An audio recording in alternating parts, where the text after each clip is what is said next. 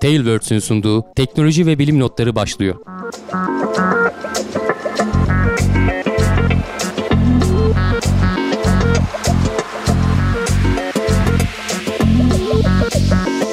Teknoloji ve bilim notlarına hoş geldiniz. Ben Can Akbulut. Yanımda Hamdi Kellecioğlu ile beraber sizlere sıcak bir yaz gününden sesleniyoruz.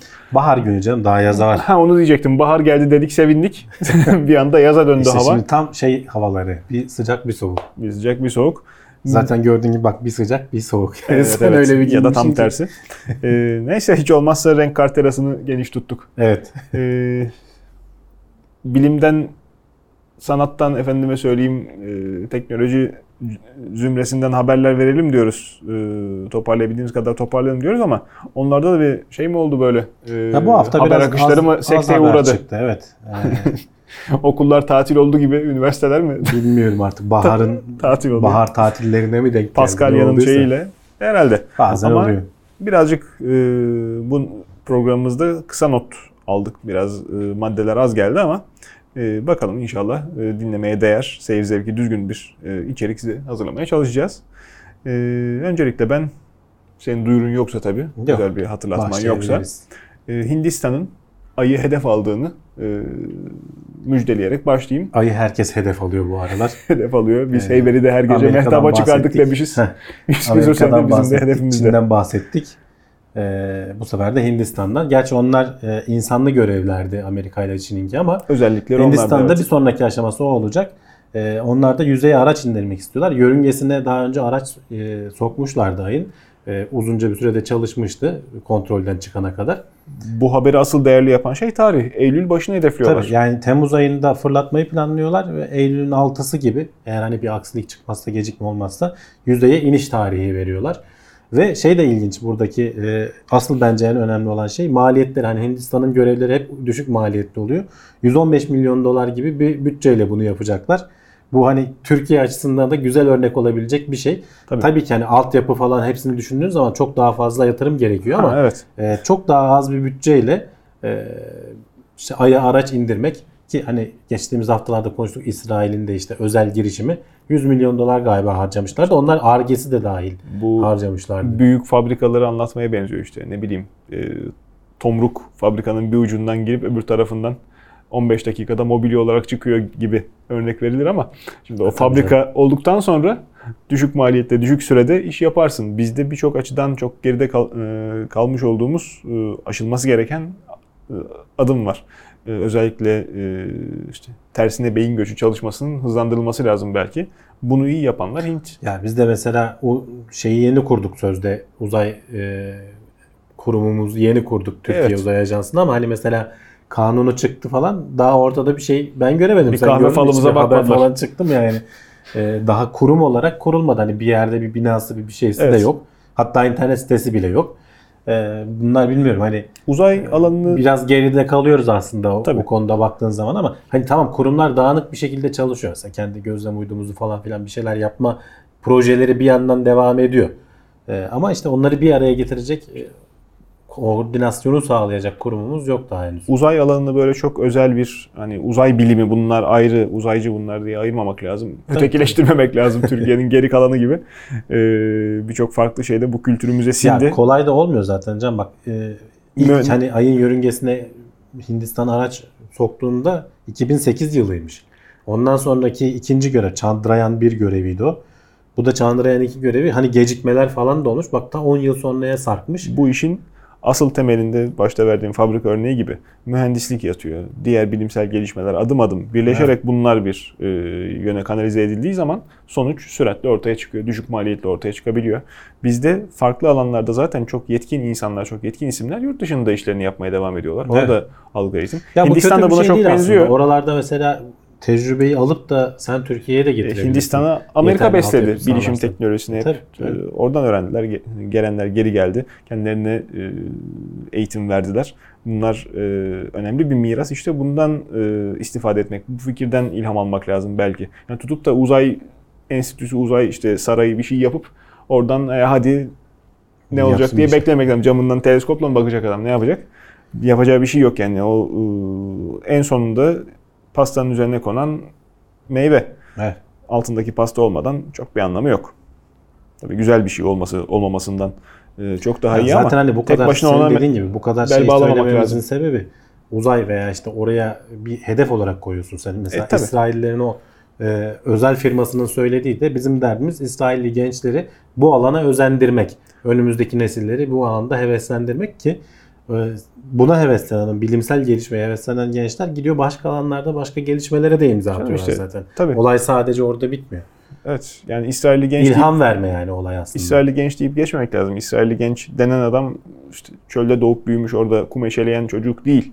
Amerika'da eğitim almış. tabii, tabii, nerede. tabii. Yani bunlar küresel anlamda bir vatandaşlık gibi bir Beyin- şey tabii. edinmiş oluyorlar. Tabii beyin göçünden biz hep yaka silkiyoruz, üzülüyoruz. Orada eğitim almış, orada yetişmiş insanlar Türkiye'ye düzgün şekilde gelirlerse, düzgün e, yol gösterecek şekilde gelirlerse biz de kısa süre içinde bu Gelmemeleri için bir sebep yok. İşte hak ettiklerini aldıklarını düşündükleri zaman zaten Öyle. Geri dönmeyi düşünen pek Tabii. çok kişi çıkacaktır. Yani bir taraftan çok uzağız, bir taraftan çok yakınız. Evet. E, bakış açısına göre değişebilir. Ama bakış açısında ilerleyen günlerde Bakış açısına ve yaptıklarına göre tabii ki. Tabii durumun izahı. Blue Origin New Shepard başarılı bir fırlatma denemesi daha geliştirmiş. Evet. Ee, e, uzay turizmi alanında rekabet eden firmalardan biri de Jeff Bezos'un, Amazon'un sahibi Jeff Bezos'un firmalarından biri Blue Origin. Gene başarılı bir fırlatma denemesi yaptılar. Gene insansızdı. Ama artık e, sayıyı onunla ifade ediyoruz. Hani nesilleri var bu New Shepard dediğimiz roketin. İşte 13. neslinde 5. keredir aynı araç gidiyor geliyor. Tabii ki bu hani SpaceX ile karşılaştırılabilecek gibi değil. Ama uzayın sınırı işte 105 kilometre yüksekliğe çıkıyorsun. Uzay turizmi çok Ee, tehlikeli. 3-4 dakika orada kalıyorsun sonra da geri iniyorsun. Yani toplam Fi- bütün şey 10-13 dakika falan sürüyor fırlatmayla beraber ama işte bunu bu alanda yarışan şimdi firmalar var. İşte biri Virgin Galactic. Hı. Ondan da ara ara bahsediyoruz. Gerçi onların uçağı mesela 80 kilometreye falan çıkabildi daha. Ama onlar insan taşıdılar. Bir- Ee, hem pilotlar hem de pilotun haricinde bir tane şey geçen konuşmuştuk. Daha Blue Origin o aşamaya gelemedi. resmi vazife veya ne bileyim gönüllünün yaptığı işten uzay turizmi bambaşka bir boyut. Artık Tabii. ticari E, tabii. ve işin içine e, dava giriyor. Can kaybını bırak herhangi bir e, aksilik durumunda açılacak davanın Yani zaten onların olmaması için bu havacılık kurumları falan son derece inceleyip sık dokuyorlar. Tabii. öyle kolay kolay tabii, izin yani vermiyorlar. herhangi bir yerinden kaytarmak Hani söz konusu bırak, olmayacak. Turistleri, kullanıcıyı bırak astronotlara bile izin vermiyor. İşte SpaceX Tabii, tabii. hala uğraşıyor Tabii. izinleri alabilmek için falan. Ee, hani çoğu asker oluyor zaten astronotların. Hmm. Hani siviller de var ama sonuçta hani parayla çalışan bu işleri yapan insanlar. Sen bir de oraya sivil vatandaşları koyduğunu düşün. İşte o zaman ekstra önlemler almak gerekecek. Doğru. Ama işte o aşamada bayağı ilerlediler. Ee, bu aralar bir açıklama daha yapacağız. Önemli bir açıklama dedi Blue Origin. Ya bugün ya yarın hani biz bunu yayına girdikten sonra belki önümüzdeki hafta konuşuruz eğer yaparlarsa. Tam olarak ne olduğundan da bahsedilmiyor ama herhalde Ay'a yönelik bir turistik bir şey de olabilir veya görev de olabilir. Onların SpaceX ile yarışacak daha büyük roket tasarımları da var. New Glenn galiba Hmm. ismi de. Ee, o da 2021'lerde falan fırlatılması planlanıyor ama işte belki bir sonraki aşamayı da şimdiden planlamaya başlamışlardır. Onun duyurusunu yapacaklardır. Sonuçta bu görev başarılı oldu. Ee, ne zaman e, şeyi fırlatmaya başlayacaklar insanlı görevi diye sorduklarında bu yıl içerisinde olacak. Hani belki yılın sonlarına doğru kesin bu işi yapmayı planlıyoruz diyorlar. Çünkü dediğim gibi kaç kere fırlatıldı geldi. Ee, sorunsuz bir şekilde tekrar fırlatıldı o kapsüller. Zaten çok yukarı çıkmıyor. Çok uzun sürelerde kalmıyor dediğim gibi. Tamam gerekli önlemleri Ama falan alınması sonuç gerekiyor ama. itibariyle e, aşırı basınç ve sıcaklık değişimine maruz kalıyorlar. Tabii, tabii. Yine Ama işte metal kısa süreler kalıyor. Hani gidip de uluslararası Tabii. uzay istasyonuna 3 gün boyunca bağlanıp da orada zaman geçirmiyor. Yani 3-4 dakika kalıp geri geliyorsun hemen. canım O arada da kemerlerini falan açmana izin veriyorlar. Tasarladıkları kapsül zaten 6 kişiyi alabilecek şekilde. Camları büyük büyük. İşte o 3-4 dakika şeyi hissedebileceksin. Hani ağırlıksızlığı e, tekrar kapsül yere düşmeye başlamaya yakın. E, kısa bir süre tabii. Bilmiyorum. Virgin Galactic mesela 250 bin dolardan bir sürü bilet satmıştı. Bunlar daha bir fiyat açıklamadı ama hani parası olana da aslında 250 bin dolar çok öyle ulaşılmayacak bir fiyat değil. ama Pahalı hizmet, araba fiyatı yani aslında. verilen hizmet pahalı da değil aslında. Makul araba fiyatı. yani Pahalı araba dediğin zaman 6-7 haneye çıkıyor. verilen hizmet ama 10 dakika sürüyor. İşte o ayrı hayatında konu. kolay kolay e, benzerini yapamayacakları bir şey. Tabii. Sonuçta yeni bir şey. Bakalım kaç tanesi bir daha diyecek, kaç tanesi gelip yeri öpecek. Yok canım. Duruma o göre korkacak görürüz. adam zaten hiç bilmez herhalde. Ha, o iş başlamadan belli olmayabiliyor bazı durumda. Bilim adamları, gözlemciler daha doğrusu e, haberi bize müjde veriyorlar. İşte öte gezegen bulduk, öte uydu bulduk. İşte güneşin önünden geçerken bir titredi gibi oldu, ışığı yamuldu falan. Şimdi geçen sene en son e, duyurulan öte uydu Hı hı. yeni bir şeydi. Yeni Şimdi- bir çığır açmıştı Evet. gezegenden Biz öte. de konuşmuştuk. Ben Aha. hatırlıyorum. Bir 6-7 ay oldu herhalde. Geçtiğimiz sene içindeydi. İşte tam tarihi aklımda değil. Ee, ilk defa öte gezegenden sonra bir öte uydu. Hani gezegenin etrafında dönen e, onun uydusu olan daha küçük bir gök cismini bizim güneş sistemimizin dışında bulabildik diye haber olma değeri oydu zaten. Tabii. Çünkü gezegeni artık buluyoruz. Hani bilinel, bilinç seviyelere falan ulaştı zaten. Ama uydu Zaten- çok çok hassas. Uydu evet yani zaten onları bulmak bile zordu. E, uydusu ki hani gezegenden daha küçük işte hangi yöntemle bulunuyor zaten kendi güneşinin önünden geçerken ki kestiği ışıktaki dalgalanmaları ölçerek bulabiliyoruz. Burada e, uyduyu bulduk demelerinin sebebi şeydi. Daha gezegenin tam hangi ta- saatte hangi saniyede geçeceğini biliyorsun kendi güneşinin önünden. Ondan hemen öncesinde hafif böyle bir dip yapıyor. Yükseliyor ışık. Sonra tekrar gezegenin olması gerektiği gibi düşüyor. Bazen de sonrasında e, gezegen geçiyor. Arkasından küçük bir dip yapan bir şey. Bunu diyorlar ki kendi etrafında dönen uydu. Hatta büyüklüğünü falan hesaplıyorlar. İşte e, katı bir şey mi olduğu, gaz devi mi olduğu falan. Yani büyüklüğü Neptün büyüklüğünde bir gaz e, uydusu. Hani düşün Hmm. gezegeninden daha küçük aslında ama hani Evet. bizim e, güneş sisteminde gezegen büyüklüğünde olabiliyor. E, ama işte şimdi mesela bilimin güzel yanı bu. E, bu şeyi yaptıkları açıklamayı, bu dataları tabii bu bilimsel makale yayınlanıyor dergilerde. Başka bilimsel e, bilim grupları, e, araştırmacılar oturup bunlara bakıyorlar. Bu adamların verileri doğru mu? E, bir şeyleri uydurmuşlar mı? Yoksa gerçekten hani iyi niyetli bile olsa istedikleri o sonuç çıkmayabilir mi? E, iki ayrı grup incelemeye almış. E, bir tanesi diyor ki biz hani verilerden bunu çıkaramadık. E, bu tarz bir şey değil. Hani onların yanlış değerlendirmesi olabilir diyor. Bir tanesi de evet bulduk diyor ama emin olamıyoruz. Yani bu o kadar şey ki diyor data e, hataya açık ki Kirli. diyor. Emin olamaya, olamıyoruz diyor. Yani bu bir öte uydudur veya değildir. Şu anda havada kalmış durumda. Tabii ki ilk asıl makaleyi yayınla- yayınlayanlar şey yapıyor.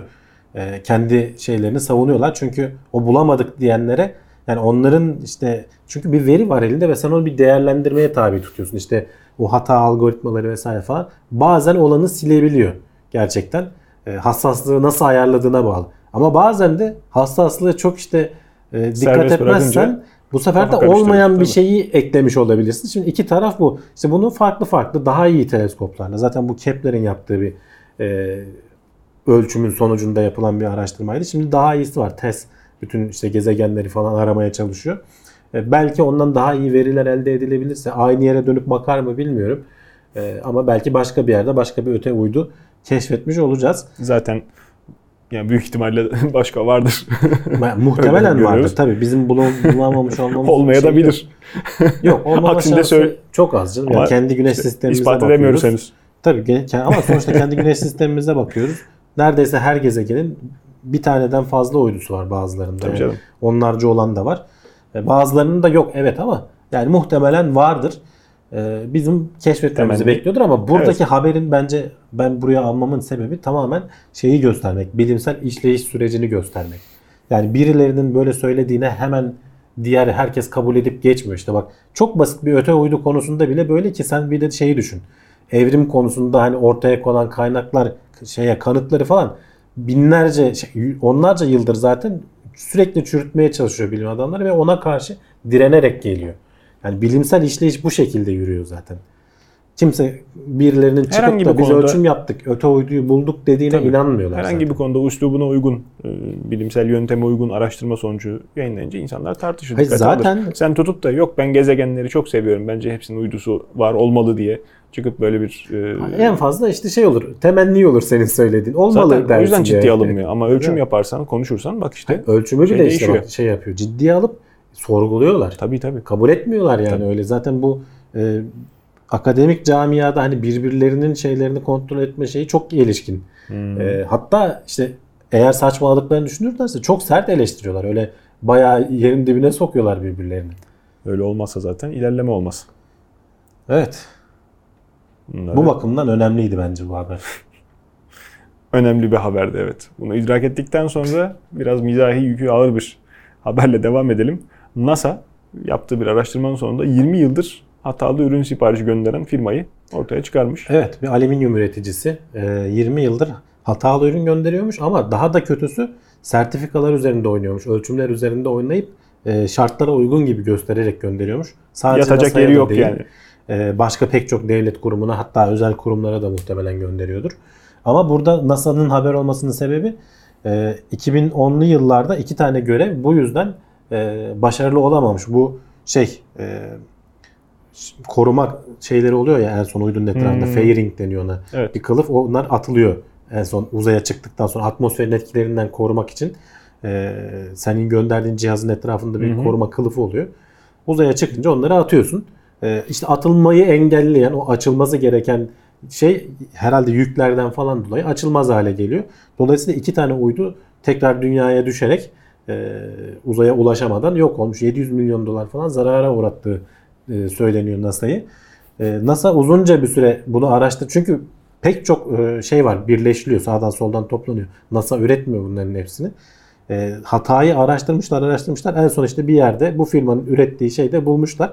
Hatta işte e, hile yaptıklarına falan kadar şey yapmışlar. Tabii ki suç duyurusunda falan bulunmuşlar. Bu gibi durumlarda hep bizim bir aşağılık kompleksimiz baskın çıkıyor işte. Ecnebiler E, yaparsa çok iyi yaparlar. Şey yapılır. Bu tabii. gibi dangalaklıkların e, Hayır Batı dünyasında da her olduğunu. yerde olur can işte. E, Yani öyle tabii. Bu, bu da bir çeşit hırsızlık aslında. Hani tabii bu canım. bir çeşit dolandırıcılık diyeyim. Yani olmayan bir şeyi öyle gibi gösterip Oranın satıyorsun. güzel tarafı işte yakalandığı zaman hesabını soruyorlar. İşte aradan 10 yıla yakın şey geçmiş. Gerçi 2015 yılında bu firmanın hükümetle çalışmasını iptal etmişler. Ama tabii işte hukuki işler falan yavaş Hmm. ilerliyor. Ee, yanlış bir şey yapmamak için kesin kanıtlarla ilerlenmesi gerekiyor. Firma da en son anlaşmaya varmış galiba. Kabul etmiş. 40 milyon dolar mı ne zarar ödeyecekmiş. Belki devamı da gelir. Belki bu örnek olur diğer kurumlar da açar. Çünkü işte Savunma Bakanlığı ve NASA yani iki şey ayrı. Dediğim gibi pek çok özel kuruluş falan da vardır. Sonuçta insanın olduğu her yerde bu tarz şeyler olabiliyor. Tabii. Ee, biraz dediğin gibi senin kendimizde olduğu zaman biz hemen kendimizi yerin dibine gömmeye çok meraklıyız ama Hı hı. oluyor işte bu bunları engelleyip e, olmamasını sağlayacaksın. Evet. Ee, NASA'nın bu konuyla ilgili başkanı da şey diyor ya diyor bize gelen her şeyi biz test edemeyiz diyor. Yani bu kadar çok var ki diyor. O yüzden sertifikasyon falan şeylerini belirliyoruz. Ama sen onları da bozarsan e, yapacak bir şey yok işte. İnsanlı bir görev olmadığına dua etsinler. Doğru. Hani mal kaybını falan bir şekilde telafi ediyorsun da can kaybı. Mal kaybını da telafi edemiyoruz burada. Yani işte hani adamdan ceza Olacağı varmış olmuş diyorlar. Yok alıyorsun. canım ne cezası giden gidiyor. Geciken zaman oluyor. O atacağın uydudan alacağın veriyi alamıyormuş oluyorsun falan. Zaman kaybı oluyor. Tabii pek çok kayıp var. Hep bahsedi veriyoruz. Ee, Her neredeyse e, bu yakın zamanda kütle çekimsel dalgalar. Daha geçen hafta bahsettik Can bu haberden. Öncesinde de ben hatırlıyorum. Sık sık Sık sık bahsediyoruz da konuşuyoruz. tam bu konudan geçen hafta ben söylediğimi hatırlıyorum. Daha şeyi keşfedemedik. Her hafta bir veri alıyor diyorduk Hı hı. geçen hafta. Ee, kara delik kara delik birleşmesini ölçtük. İşte iki nötron yıldızının birleşmesini ölçtük ama, Ama nötron kara deliği ölçemedik diyorduk. Ama zaten her hafta aldığından dolayı yakın zamanda herhalde buluruz diyorduk. İşte bu hafta haberi çıktı. İkiletmedi. Evet, e, muhtemelen diyorlar. Daha kesin tabii şey değil. İşte bak, burada da veriyi alıp e, o veri üzerinde analizlerin falan yürütülmesi ve işte bilim adamlarının ortak bir konsensüse ulaşması gerekiyor. Çok büyük ihtimalle bulduk ama daha kesin değil diyorlar. Bulunmamış olsa bile sonuçta eli kulağında belli ki. E, o yüzden bu haberde geçen haftaya şey oldu. Hemen arkasından takip oldu. E, tabii ki şey çok arttı. Hassaslığı çok arttı bu LIGO ve işte Avrupa'daki İşte okumayı öğreniyoruz. girmesiyle. Bir Ee, taraftan da. yani her hafta yeni gelecek datalarla falan. Tabii ki çok görsel bir şey değil. Sonuçta işte 10 milyar ışık yılı ötedeki bir şeyi ölçüyorsun. işte 3 milyar ışık yılı ötedekini ölçüyorsun falan yani ama başka deyişle 10 milyar yıl önce olmuş bir evrenle şey. ilgili bilgi edinmiş oluyorsun. Dolaylı yol, Tabii. bayağı bir dolaylı yollardan. Önemli gelişmelerden biri. Evet. Dolaylı yoldan önemli gelişme yine e, insanlık tarihini etkileyen e, boyutuyla bu sefer e, konuğumuz oluyor.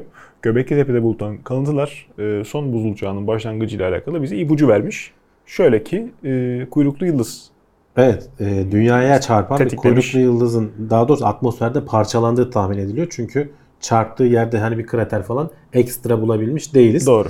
Ee, 65 milyon yıl önce dinozorların çarpması o Me-. Meksika'nın olduğu yerlerde Amerika'nın Kuzey Amerika'nın güneyinde Yucatan mıydı yerin ismi Öyle galiba. hatırlıyorum. Öyle hatırlıyorum. Orada bir şey görüyorsun zaten uydudan falan vesaire falan baktığın zaman bir şeyler çarpılmış hani bir iz bırakmış. Tabii ki erozyon falan düzeltmiş mümkün olduğunca ama anlayabiliyorsun. Bu yaklaşık 13 bin yıl önce e, olmuş bir şey E, ve şeye de tam denk geliyor. İnsanlığın tarım toplumuna geçişi artık avcı toplayıcılıktan tarım toplumuna geçişi. Göbekli Tepe'de şu ana kadar hani bulabildiğimiz en eski e, insanlar tarafından yapılmış tapınak artık belki de gözlem evi de denilebilir. Zaten o eski tarihlerde ikisi hep iç içe beraber, beraberler. Ee, ve oradaki şeylerden, sütunlardan birinin üzerinde işte böyle çeşitli hayvanlar falan var. Bir de tam bilim adamlarının emin olamadıkları, ne şekilde değerlendireceklerini bilemedikleri bazı şekiller falan var. Bunların işte yıldız sistemleri ve e, o devirde gök şeye e, güneş sisteminde bayağı baskın görülebilen bir kuyruklu yıldız olduğu tahmin ediliyormuş ve bunun parçalarının kendisi değil de e, bu bayağı dağılabilen bir şey biliyorsun ve işte Tabii. stabil bir yörüngesi olmadığı zaman buradan bazı parçalar dünyaya gelebiliyor. Bunun parçalarının dünyaya gelip e, Kuzey Amerika civarında atmosferde parçalandığını ve dolayısıyla kısa dönemli genç Dryas deniyor bir buzul çağını. Buzul çağı aslında bitiyor, sonlanıyor. Onu bir bin yıl öteye atacak. Tek tetikleyen bir şey yapıyor işte bu mamutların falan yok Hmm. oldu. Hatta bizim hipotezlerden biri de insanlığın tarım toplumuna geçmeye zorlayan şeyin bu olduğu. Hani artık çevrede toplayacak kolay şey bulamıyorsun. Kendin üretmek zorunda kalıyorsun falan gibi bir hipotez var. Tabii ki bu kanıtlanmış değil. Ee, ama işte o şeyin üzerindeki e, çizimler vesaireler falan gökyüzündeki işte yıldızların konumu bunu şeyle yapıyorlar. Simülasyonunu da yapıyorlar. O devirde böyle bir şey olma ihtimali var mı? Yıldızlar tutuyor mu vesaire falan. Böyle bir şey ortaya atmışlar. Bu da tabii ki hala hipotez. Evet. Başka bilim adamları falan da bunu oturup e, inceleyecekler. Bu yok bu, bu başka bir anlama geliyor diye de çıkarabilirler günün sonunda ama şu an için elimizde şeyle de uyuyor bu. E, Antarktika'dan falan aldığımız o buz ölçümlerinin falan e, dünyada olmayan, kolay kolay bulunamayan elementler var. Mesela işte iridyum, platin falan gibi. Bunların yoğunluklu olduğu katmanları sen tarih olarak bulabiliyorsun. İşte buz kütlelerinden falan da bakabiliyorsun. Hem Kuzey Amerika'daki o elementlerin dağılımı e, bu bu şeyin Göbekli Tepe'deki şeyin e, tarihlemesiyle uyuyor. Hem de işte Antarktika'daki o bulduğun buz kütlesinin içindeki şeyi yani o tarihlerde bu e, genç Dryas denilen o küçük buzul çağını tetikleyen bir şey olduğu belli ve bu da ne, neden olduğunu bilmiyorduk. İşte belki volkan patlamıştır diyorduk. Ama gökten gelen bir şey olma ihtimali yüksek. Ee, Karar diyorsun. öyle bir bilimsel makale. İlginç evet. Gerçekten nereye bakması gerektiğini bildiği sürece insanın bulamayacağı şey yok. Evet yani bu Göbekli Tepe'yi de hani hakikaten insanlık tarihi açısından çok önemli bir şey. Bilmiyorum bir şekilde buranın reklamını bütün dünyaya yapmak Aman lazım. aman duyurmak reklamdan lazım. evvel muhafaza etmeyi öğrenmemiz lazım. Muhafazayı bizden önce onlar ediyor. Zaten bu araştırmayı yapanlar da İngiliz bilim adamları. E, öyle. Hani bizim devlet Maalesef. falan kurumları tabii ki önlemini alıyordur da bizden önce onlar muhafaza ederler merak etme. Orada çünkü hakikaten değerli bir şey var. Hatırlayanlar çıkacaktır. Ben e, yaşım itibariyle çok şey dedi. Tabii o zaman televizyondan kayıt almak da pek kolay değil Bulanlar da yabancı bu arada. Hani Almandı Tabii, tabii. galiba yanlış hatırlamıyorsam. Konya'da mıydı? Konya Aksaray o zaman tabii ayrılmamıştı. Aksaray'da dinozor fosili. Saadet'in tek soyun haberi. E, bulup da çıkarmışlardı. Millet parçalamıştı. E, gelip de fosilden parça alalım, şey yapalım diye. He, o e, ortalıkta bırakırsan parçalarlar. imha tabii. olmuştu.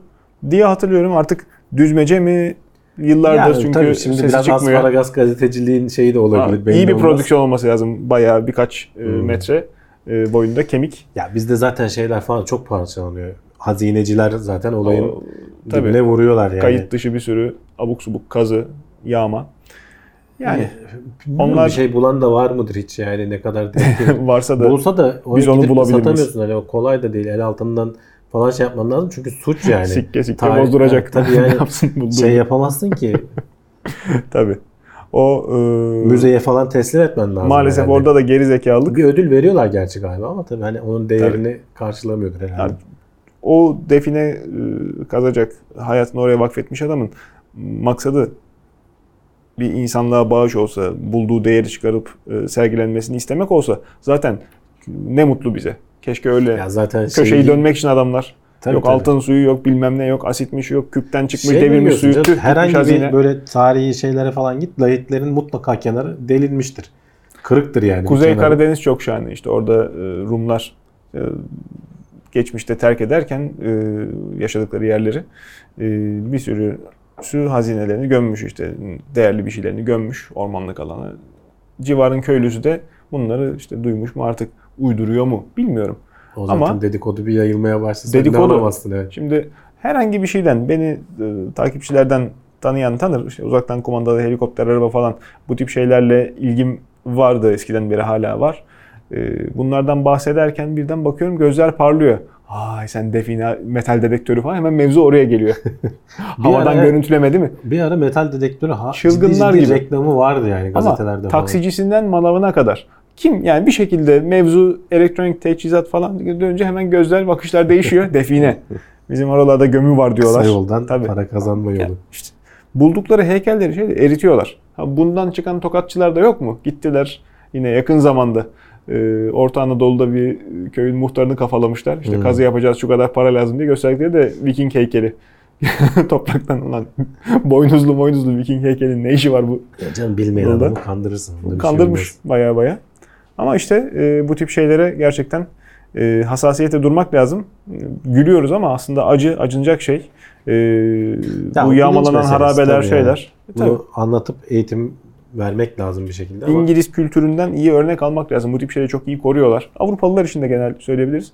Ee, sıradaki konumuz Avustralya ile alakalı. Onlar da habitatlarını muhafaza etmek için çok ciddi çaba sarf ediyorlar. Evet. Dışarıdan hayvan alımı onların çok defa canını yakmış. Ee, kendine has bir ekosistem, kendine has bir coğrafya. ya tabii bazen aldıkları önlemler e, Biraz sorgulanıyor. olabiliyor Tabii. yani sorgulanabiliyor ama çok tartışma da yaratıyor. Şimdi burada da aslında bu yeni bir haber değil. Alınan karar eski de uygulaması tabii şu anda da devam ediyor. Ee, kedilerle, vahşi kedilerle özellikle. Çünkü normalde kıtanın e, doğal yaşamında olmayan bir hayvan ve çok yetenekli bir avcı olduğu için girdiği her yeri dünyada da öyle aslında. Yani dünyada tabii. da belli bir yerden biraz da insanların da yardımıyla yayılmış. Gittiği her yeri mahvetmiş. Avustralya dediğin gibi biraz ekstra dikkat ettiği için ve nispeten daha geç oraya ulaştığı için 1700'lerde falan ulaştığı tahmin ediliyor. İlk işte insanlar oraya Avrupalılar falan giderken Hı hı. gemilerle falan götürdüğü tahmin ediliyor. İlk insan demeyeyim yanlış oldu o da. Ee, İlk virgül insanlar. evet. E, e, Daha evvel Avustralya'nın canını okuyan kaktüs belası var.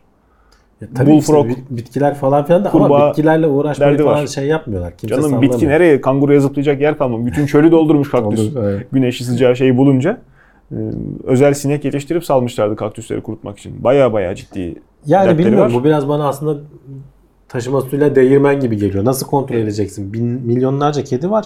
Evet. Ee, ve hani işte yaptıkları şey şu gökten zehirli sosis atıyorlar. Hani bizim burada da bazen sokak Hmm. hayvanlarına yapıyorlar ya çok e, yüreğimiz burkularak izliyoruz. Şey yapıyorlar avcıları destekliyorlar. Okla avlayan bunu şey yapanlar kedi avcılığına çıkıyor adamlar. Bayağı tüfekle okla geceleri gidiyorlar avlıyorlar. Onlar zaten avlayacak şey arıyor. Ee, yani ve her gün hani beşer onar öldürüp geliyor adamlar. Hmm. Anca işte böyle şey yapabilir, baş etmeye çalışıyorlar. Ee, ama hani şeyler de korkunç. Şimdi bak oranın e, devlet kurumunun yaptığı tahminlere göre e, 1850'lerden beri e, 34 tane Av- Avustralya'ya özgü memeli türü yok olmuş. Bunların 22'sinden kedilerin sorumlu olduğunu tahmin ediyorlar. Geri kalandan da insanlar sorumludur zaten. Ee, gene bir istatistiğe göre her gün kediler tarafından yakalanan sürüngen sayısı 1 milyon. Her gün. Yani hakikaten hayvanlar, iyi avcılar sorun orada. Ee, kontrol altında tutamıyorsun. Öyle. Girdikleri her yerde çok başarılı oluyorlar. Tamam bize de çok sevimli geliyorlar. Yüreğimiz burkuluyor ama işte bir doğal hayatı korumak diye de bir şey var. Ee, çok tartışma Doğal hayat bir yerden sonra işte yeni doğal mı oluyor ona karar vermek lazım. Yani insanın kendi yerleştiği yeri de sonuç itibariyle habitat haline getirip kabul tabii. ediyoruz. E, Şehri Yani de biz temizleyelim zaten madem. şey yapıyoruz canım. Biz zaten gittiğimiz her yeri yok Ha, etmişiz de yani biz akıllı ve bencil yaratıklar olarak kendimize şey yapmıyoruz. hiç. ekosistem yeniden dengeleniyorsa aslında oraya da çok çomak sokmamak lazım ama kediler hızlı artan popülasyon bu sefer e, çok basit örneği bu Haliç'te adalar olmuştu ya ıslahla beraber çökeldi işte oradaki yılların birikimi. İki tane küçük adacık oldu. O adacıklara götürdüğü aklı evvenin biri tavşan bıraktı. Hmm. Tavşanlar yediler içtiler işte birileri de yemek verdi ne yaptı? Tavşanın tabii yiyip içmekten sonraki üçüncü faaliyeti olan Çoğalmak. e, çoğalmaya başladılar. E, Tavşan Adası yüzlerce tavşana ev sahipliği yapmaya başladı. Herkes işte Pierre Loti'den bakıp eğleniyordu falan. İşte e, bir sürü tavşan yumuşacık ne güzel diye. Hayvanlar birden bir hastalık geldi. Hepsi birden öldü. Ne, ne yapacağını bilemedi. Öyle oluyor. Popülasyon bir alanda hızla üredikten sonra e, onların hepsi birden kırılıyor. Ya işte İşte ama oradaki türleri yok ettiği zaman hani tamam dengeye ulaşacak eninde sonunda ama buna e, engel olunması gerektiğini eninde düşünüyorum. sonunda yine çok kötü kıyım yaşanacak. Onu demek istiyorum. Yani bunu insanlar daha ciddi boyuta ulaşmadan, çevreye verdiği zarar daha da büyümeden kontrol Tabii, ettiği için kontrol. aslında çok da kızmamak şey mı gibi, lazım? kontrollü yangın gibi bir şey aslında değil mi? Evet, Daha evet. büyüğü olmasın diye Evet. çıkarılan küçük yangınlar vardır. Ama tabii iş bu raddeye gelmemeliydi. Ee, şey ilginç bana şimdi gökten sosis atıyorsun. E, yani bunu yiyen başka hayvanlar da olur yani. Et yani sonuçta. Kediler de yiyecek elbette ama Hmm. ilginç bir şey bulmuşlar. O yöreye özgü bitkilerde bulunan bir şey var. E, madde var. E, sadece kedileri ve dışarıdan gelen başka böyle etçil hayvanları öldürüyor. E, orada zaten evrimleşmiş hayvanları e, bir zarar vermiyormuş bünyesine. Dolayısıyla Çok ilginç. kedileri bu şekilde e, şey yapmayı başarmışlar. E, so- sosis dağıtarak havadan işte. Kanguru etinden. Çok ilginç. Gerçekten. Bunlar hep muhafaza Ya acı ama yapacak bir şey yok. Mesela geçenlerde tedbiri işte, hassasiyet. Avrupa'da galiba bir hayvanat bahçesinde de son derece sağlıklı bir zürafayı Hmm. sırf işte soyun genetik e, karmaşıklığını bozmamak için işte hep aynı aileden çocuklar olmasın diye öldürmüşlerdi. O da bayağı tartışma olmuştu. Ya, sağlam hayvanı niye öldürüyorsunuz diye. Ama popülasyonu düşündüğün zaman yani daha büyüğü düşündüğün zaman bireylerin önemi azalıyor. Bu insanlar için Evet. de aslında zaman zaman geçerli ama e, tabii ki yani hayvanlarda çok daha kolay şey yapabiliyoruz. İnsan Karar olduğu- alıp uygulamaya koyabiliyoruz. hayvanlar kendi arasında pek e, nazik davranmıyorlar. İnsan kendi e, aklından kopyalayıp kendi e, duygularını işin içine kattığı zaman hayvana da bazen eşyaya bile aynı şefkatle yaklaşabiliyor. Tabii tabii. tabii. E, o düşünceyi kopyaladığında. Şimdi sen seviyorsun ay canım benim e, ne güzel kuş diye. Kuş gidiyor öbürünün kuyruğunu yoluyor falan gözünün önünde. E, gözün oyuyor. Evde iki kedi beslemeye çalışan, kediyle köpek beslemeye çalışan bilir. Sen okşamaya kıyamazsın. Öbürü diğerinin burnunu Hmm. parçalar şey yapar. Yani o yüzden e, insan hassasiyetini birazcık işte e, beyinle dizginlemek mi lazım? Şimdi sıradaki haberimizin, sıradaki notumuzun konusu yapay zekaya hayvan hakkı verilmeli mi, verilmemeli mi? Bir grup bilim insanı da bunu tartışıyormuş. Evet. Yapay zeka daha böyle bizden oldukça işte şimdi sahneden düşüyor falan robotlar şey yapıyoruz ama daha böyle samimi bir şeyler olduğu zaman Yani aramızda acaba Şimdi bilim kurguda falan hep konuştuğumuz şey e, işte bir, bir yapay zeka artık insan gibi seninle iletişime geçtiği zaman işte acaba fişini çekebilecek misin işte dur beni öldürme falan dediği zaman ne yapacaksın? İşte onlara insan hakları verme falan. Ama uzmanlar diyor ki ya diyor bu aşamaya ulaşmadan çok daha önce biz ki hani artık oraya o kadar da uzak değiliz diyorlar. Hayvanların zekasındaki kadar bilinçli yapay zekalara sahip olacağız. Önce bunu tartışmamız lazım diyorlar. Biz bunlara hayvan hakkı vermeyiz. Çünkü hep biz konuşuyoruz. Ee, bilimsel araştırmalarda kullanılacak hayvanların acı çekmemesi, işte mümkün olduğunca az hayvan kullanılması falan hep regülasyonlara tabi. Ama yapay Evet. zeka alanında hiç böyle bir şey şu anda yok. Ee, ama işte sen bir bilinç geliştirdiğin zaman yazılımsal veya değil işte zaten tartışma da oradan çıkıyor. Hani bilinç nedir? Ne zaman bunun çevresiyle etkileşime geçtiğini, bir şeyleri anladığını, bir şeyleri hissettiğine karar vereceğiz. Bunun için illa organik mi olması gerekiyor? Ee, yoksa e, bilgisayar programı da bunu sağlayabilir mi? Henüz daha bunların şeyine gelmedik. Teknolojik olarak o noktaya gelmediğimiz için çok sorun yaşanmıyor. Ama yarın öbür gün nasıl şimdi hayvan aktivistleri varsa yapay zeka aktivistleri de çıkacak belki. Dediğim gibi kendini ifade edebilen, sana söyleyebilen, bizim bilim kurgu filmlerinde gördüğümüz gibi yapay zekalarda işin nispeten kolay. Ama ifade edemeyen, işte mesela bir sürüngen kadar zekası var. Sen şimdi gidip durduk yere bir kertenkeleyi öldürmezsin değil mi? Veya öldüren adama da kızarsın yani. Sonuçta o da bir canlı. Bir bilinci var. Bir acı Evet. çekiyor, bir sıkıntı yaşıyor bu yaptığın işlemin sonucunda. E aynısını sen bir bilgisayar programına getirdiğini düşün.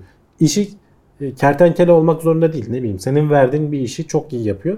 Ama o esnada da bir farkındalık geliştirse ve bunu bize o kadar da yansıtamasa. Zaten şeyi bak söylerken bile zorlanıyorum. Farkındalık nedir? Bilinç nedir? Hangi aşamadan sonra bu artık çevresine e, farkında olan bir şeydir diyebiliriz. Bunlar çok zor şeyler. Üzerinde çok düşünmeyen şeyler. O yüzden zor geliyor aslında. Yani Basit ama filozoflar falan düşünüyor aslında ama e, içinden çıkması zor. toplumun genelini zaten anlatmak problem. İnsanlar hmm, günlük gailenin içinde insanlar düşünmüyorlar. Ya Düşünmekte günlük zorunda değiller belki ama. İnsanlar tabii ki bunu düşünmeyecek. Bunu hani gene e, kanaat önderleri hani işte. şeyler düşünecek. O Robotun kanunları ruhu var mı? yapanlar düşünecek. İşte Yok mu? Hani ruh bilinçten, zaten tamamen farklı bir kavram. Şimdi bilinçten kasıt burada yani insanın algılaması için aşina olduğu kavramlar üzerinden yürümek lazım. Espri burada bu. Yapay zekayı sen ele alıyorsan yapay zeka muhatap alınabilecek kadar hani seni anlayıp e, konuşulabilecek kadar Ya ben cansa ruh ayrı bir şey derken şunu kastediyorum. Ruh bilimsel bir şey değil.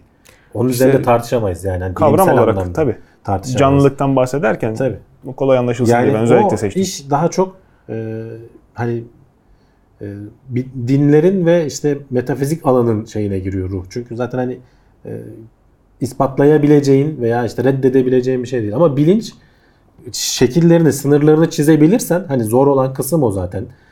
Daha güzel konuşabiliriz. Hani burada bilinç vardır veya yoktur falan diye. Ama işte o sınırları ko- koymak, çizmek çok zor. E, ama şey de çok hızlı ilerliyor. Hakikaten yapay zeka çalışmaları da çok hızlı bir şekilde ilerliyor. Ee, en erken belki de bu karşımıza çıkacak. Daha insan gibi bir şey olmasından ziyade. Öyle. Bunu çözmemiz lazım. O zaman belki gerçekten ileride göreceğiz. Devletler şey koyacak yani yapay zeka alanında bir çalışma yapmadan önce sen izin alman gerekecek belli yerlerden. Belki de Belki de hiç gerekmeyecek diyecek çünkü ki canını sen mi verdin? Evet ben verdim deyip çekecek bir şey. ya da hiç gerekmeyecek. Çünkü şey diyenler de var. Hani bir bilinç olması için veya bizim anladığımız anda olması için mutlaka organik olmalı. Bir işte beyni olmalı. Ee, ama olmalı mı? İşte bu da tartışmalı. Bilmiyorum. Ben de açıkçası çok kararsız kalıyorum yani. Sen de haklısın lazım. diyorum. Çok fazla. Öteki tabii. tarafı dinliyorum. Sen de haklısın diyorum. Sen de haklısın tabii. Diyecek ne var? Başka. Bilim adamları koku duyusunun körelmesiyle ölüm arasındaki ilişkiyi çözmeye çalışıyor. Yapay zeka dedik. Ee, kendi içimizde de zaten e, sürekli devindiğimiz kavramlar e, aşağı yukarı aynı. Ee, insanoğlunun hayatiyetinin sınırlılığı, işte yavaş yavaş azalmakta olan bilinç, farkındalık belki yaşlılıkla veya çocukluktan büyümenin getirisi. Hı hı. Hep yetişkin insanlar olarak bu kavramları tartışıyoruz ama e, göz önünde gözlemleme şansı olunca o yavaş yavaş ihtiyarlamayı veya çocuğun büyümesini o zaman bir şeyleri tekrar ele alıp böyle üzerinde durmaya değer e, de görebiliyoruz. E, vücudun kaybolan bazı fonksiyonlarının beyin açısından çok ciddi yansıması var. Evet.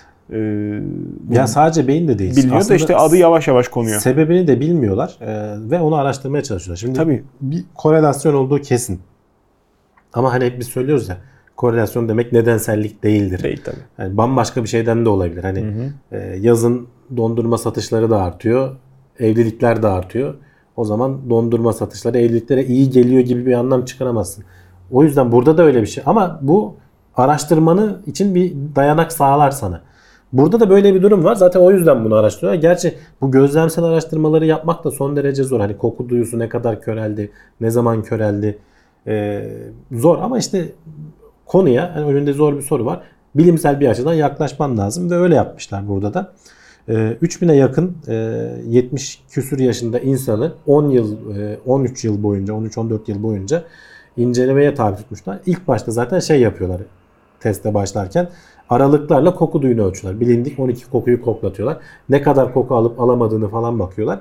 Ve bu yıllar içerisinde ne kadar körelmişse e, ölme ihtimalin o kadar artıyormuş. Yani %50'lere varan, %46'lara varan bir orandan bahsediyorlar. Hani koku duygusu köreldiği zaman %46 oranında daha erken ölebiliyorsun.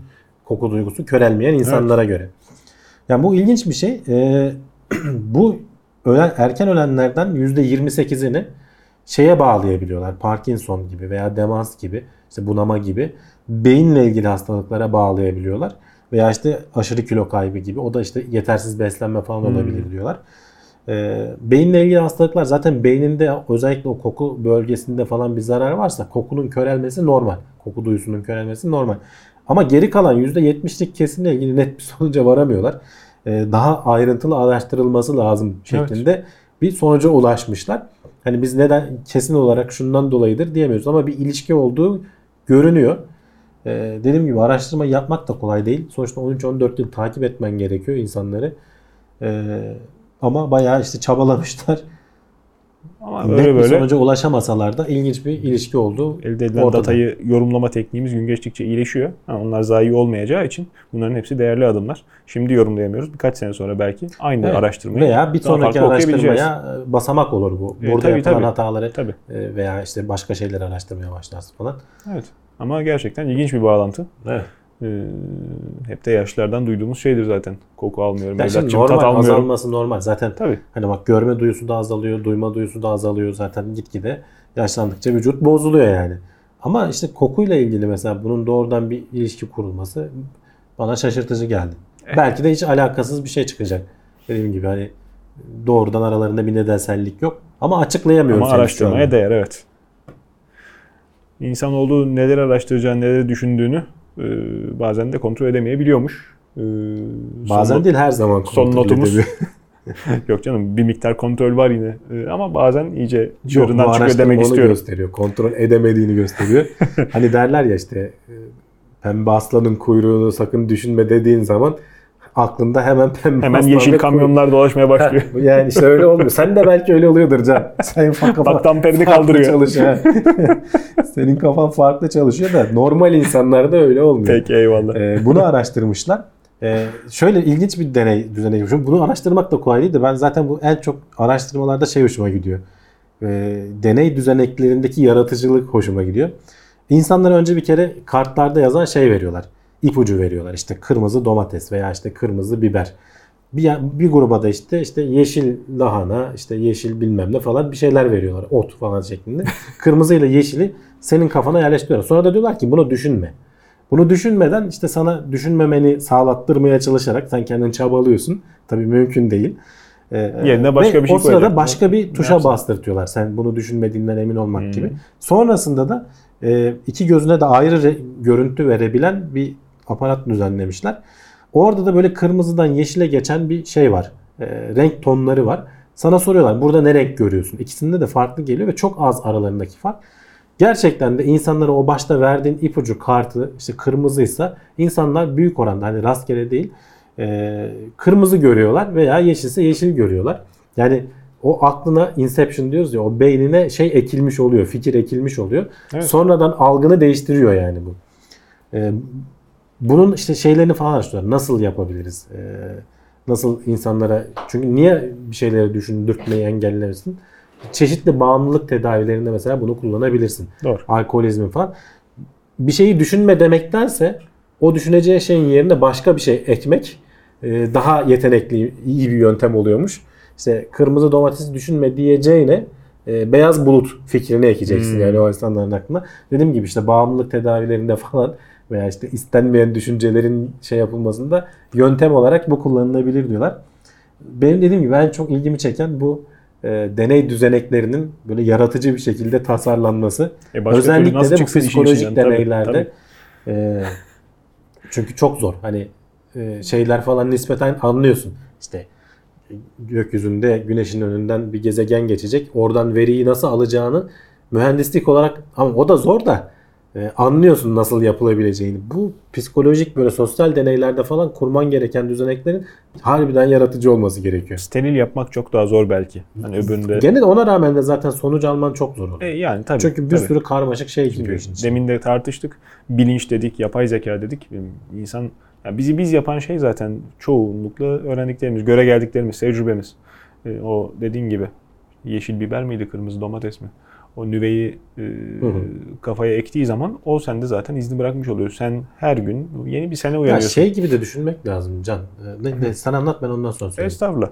Ya şey, e, yapay zeka falan izole tutmak çok daha önemli olacak belki diyorum. Hmm. Benim diyeceğim de o. Hani insanın kendi bilinci sürekli kendi yeniliyorsun ama şimdi big data'yı yorumlayacak veya işte ne bileyim herhangi bir e, alanda uzmanlaşacak yapay zeka derken önceden okuttuklarımızın acaba böyle negatif tezahürü olur mu ileride? Oluyor zaten. Oluyor. Yani, yani bunu da hesaba bazen katmak konuşuyoruz biz. belki de gerekecek. Burada mesela bir şeyi söyledikleri zaman mesela şeyin e, altyapısı şöyle oluyor gibi geliyor bana muhtemelen. E, sana bir şey söylendiği zaman oradaki nöronlar, onu senin yorumladığın nöronlar zaten ateşlenmiş oluyor.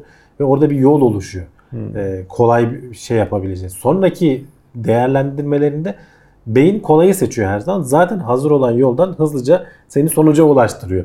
Bu sana doğada işte evrimsel olarak bir avantaj sağlıyor hızlı karar vermeni. beyin zaten ona şartlandığı için evet çoğu zaman da doğru sonucu buluyorsun. Bazen hatalı da olsa. Enerji harcamadan ama hızlı sonuçlara ulaşmış oluyorsun. Ama işte bazen de yanlış yapmana neden oluyor.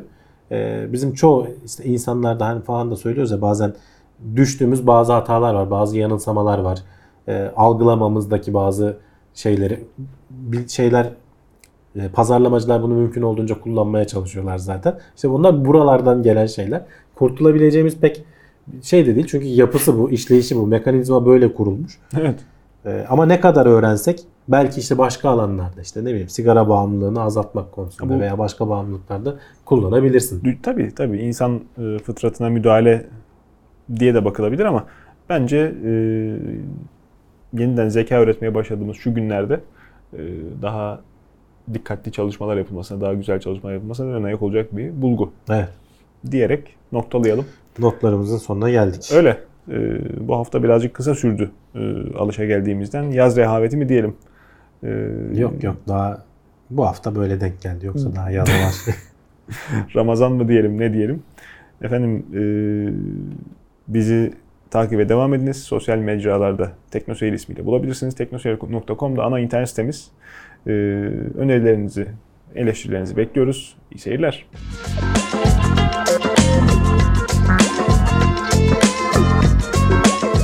Tailwords teknoloji ve bilim notlarını sundu.